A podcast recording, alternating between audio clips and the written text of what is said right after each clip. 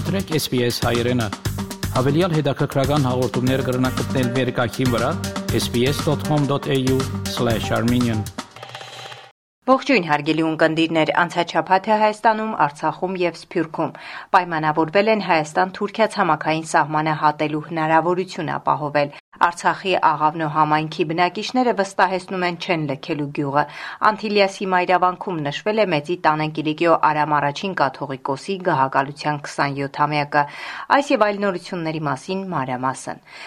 Երեք գումարած երեք ձևաչափով հաջորդ նիստը կանցկացվի Իրանում Իրանի արտգործնախարար Հոսեյն Ամիր Աբդուլլահինի հետ հանդիպման այս մասին ասել է Ադրբեջանի արտաքին գործերի նախարար Ջեյհուն Բայրամովը տեղեկությունը հայտնում է իրանական մեհր գործակալությունը Հարավային Կովկասում համագործակցության 3 գումարած 3 ձևաչափով առաջին հանդիպումը կայացել է 2021 թվականի դեկտեմբերի 10-ին Մոսկվայում, որի շրջանակներում մասնակից 5 երկրների Հայաստանի, Ռուսաստանի, Թուրքիայի, Ադրբեջանի եւ Իրանի ներկայացուցիչները քննարկել են տարածաշրջանում արկա համագործակցության հերանեկարներն ու ընդհանուր սպառնալիքներին հակազդեցությունը։ Վրաստանը հայտարարել է, որ չի ծրագրում մասնակցել այդ նախաձեռնությանը։ Հունիսի 27-ին աշխատանքային այցով Աթենքում գտնվող Հայաստանի արտգործնախարար Արարատ Միրզոյանը հանդիպումներ է ունեցել Հունաստանի բարձրաստիճան պաշտոնյաների հետ։ Նախագահ Կատերինա Սակելարոպուլին ներկայացրել է Լեռնային Ղարաբաղի հակամարտության շուրջ ստեղծված իրավիճակը։ Այս տարի լրանում է Հայաստանի եւ Հունաստանի միջև դիվանագիտական հարաբերությունների հաստատման 30-ամյակը,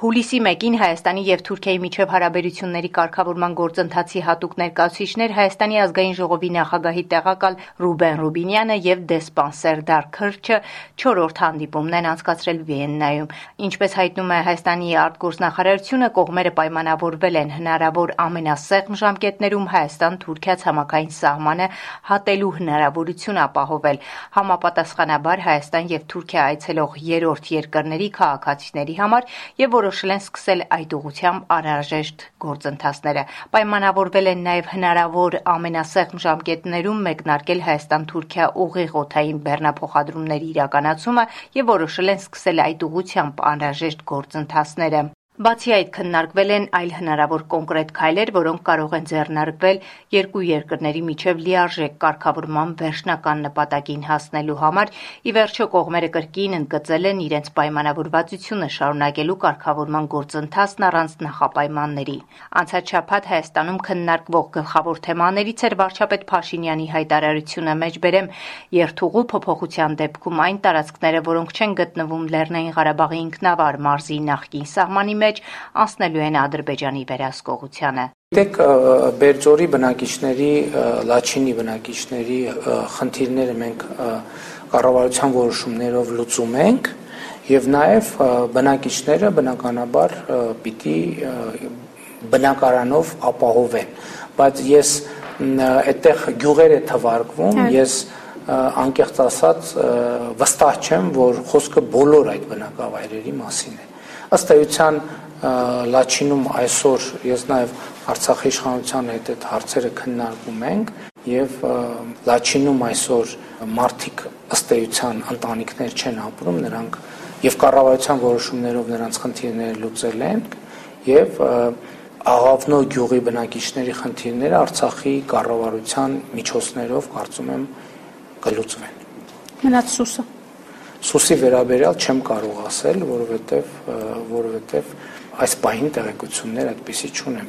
Վարչապետն ասել էր հրադադարի պայմանագրում ինչ կետ կար, որը դեռ հիմա կքննարկվի եւ որոշում կկայացվի Արցախի իշխանությունների հետ։ Ազգային ժողովում լրագրողների հետ զրույցում նշել է ազգային ժողովի պաշտպանության եւ անվտանգության հարցերի հանձնաժողովի նախագահ Անդրանիկ Քոչարյանը, անդրադառնալով Փաշինյանի հայտարարությանը, թե Լաչինի միջանցքի երթուղու փոփոխության վերաբերյալ նախնական համաձայնություն կա։ Դիտարկմանը, որ Աղավնոյի համանքապետը հայտարարել է, որ չեն պատրաստվում դուրս գալ գյուղից, նա արձագանք արձագանքել է։ Կյանքը միշտ իր շտկումները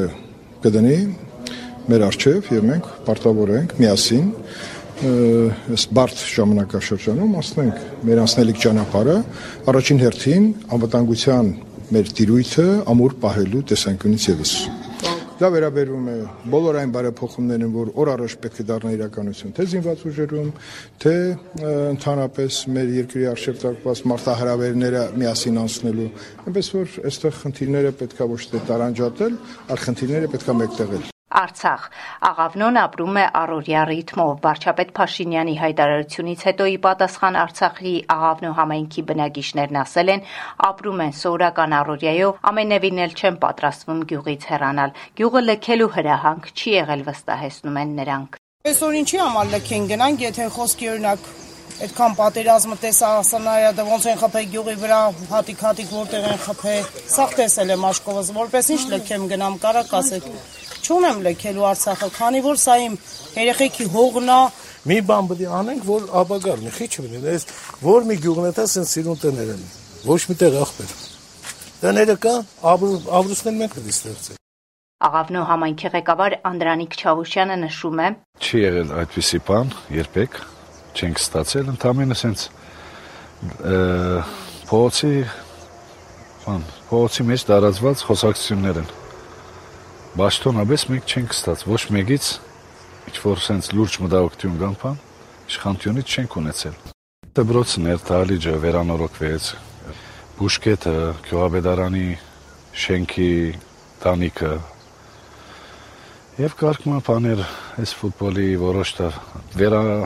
թարմացվեց Բերձորից դուրս գալը կանխորոշված էր նոյեմբերի 9-ի հայտարարությամբ, իսկ Աղավնոյի հարցը դեռ քննարկում ենք, խորհրդարանում հայտարարել է Արցախի նախագահ Արայիկ Հարությունյանը։ Ազգային ժողովում հարցերի առանցքում եղել է նաև հայկական երկու հանրապետությունները միացնող նոր ճանապարհի վերաբերյալ հարցը։ Երբ որ լինի ճանապարհ, մենք հնարավորություն ենք ունենալու մեր կարծիք հասելու արդյոք առաջին հերթին որակական առումով ճանապարհի որակի կառուցման որակի առումով համապատասխանում է այն պայմաններին ստանդարտների, որը մենք ենք ուզում երկրորդ արդյոք լինելու է անվտանգ իսկ իմ կարծիքով շատ ավելի անվտանգ է լինելու բազմաթիվ անվտանգային խնդիրներ հաշվի առնելով առանց բարձրաձայնելու այստեղ մենք կարող ենք փակ դահլիճում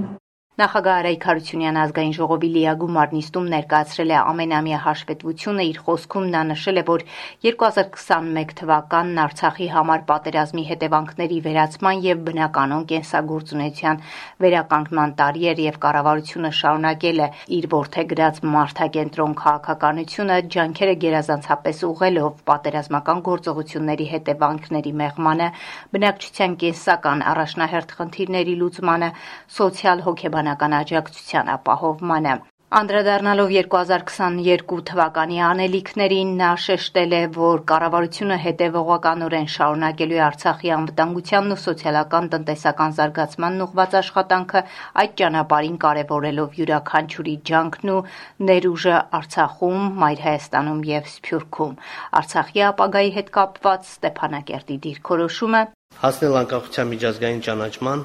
Արցախի ժողովրդի ինքնորոշման իրավունքի անվերապահ ու անսահմանափակ իրացման ու ճանաչման միջոցով։ Հակամարտությունը պետք է կարգավորի խաղաղ ճանապարհով, սակայն Ադրբեջանի կազմում ցանկացած կարգավիճակ անընդունելի է։ Goris Today-ը հրապարակել է տեսանյութ, որտեղ երևում է, թե ինչպես են ադրբեջանցիները տեղափոխում Բերձորի ճանապարհին տեղադրված խաչքարը։ Ըստ լրատվամիջոցի, այդ հատվածով պետք է անցնի ադրբեջանցիների կողմից կառուցվող եւ Բերձոր քաղաքը շրջանցող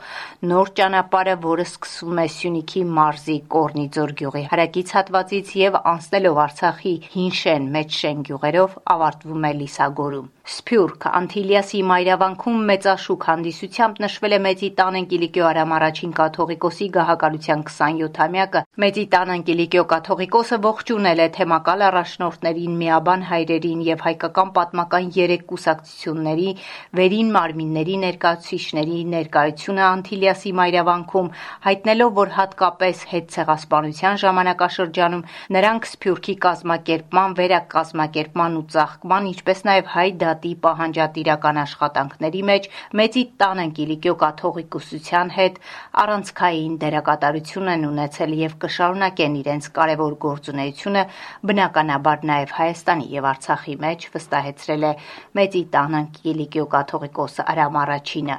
Ամերիկայի Հայդատի հանձնախումբը մանրամասներ է ներկայացրել Արցախում իր վերջին փաստահավաք առաքելությունից։ Արցախում պատերազմի ժամանակ ավերված բազմաթիվ դպրոցներ եւ հիվանդանոցներ մնացել են ավերակների տակ, անհամար տներ, անբնակելի բնիկ հողերի առնվազն 70%-ը կորցնելուց բացի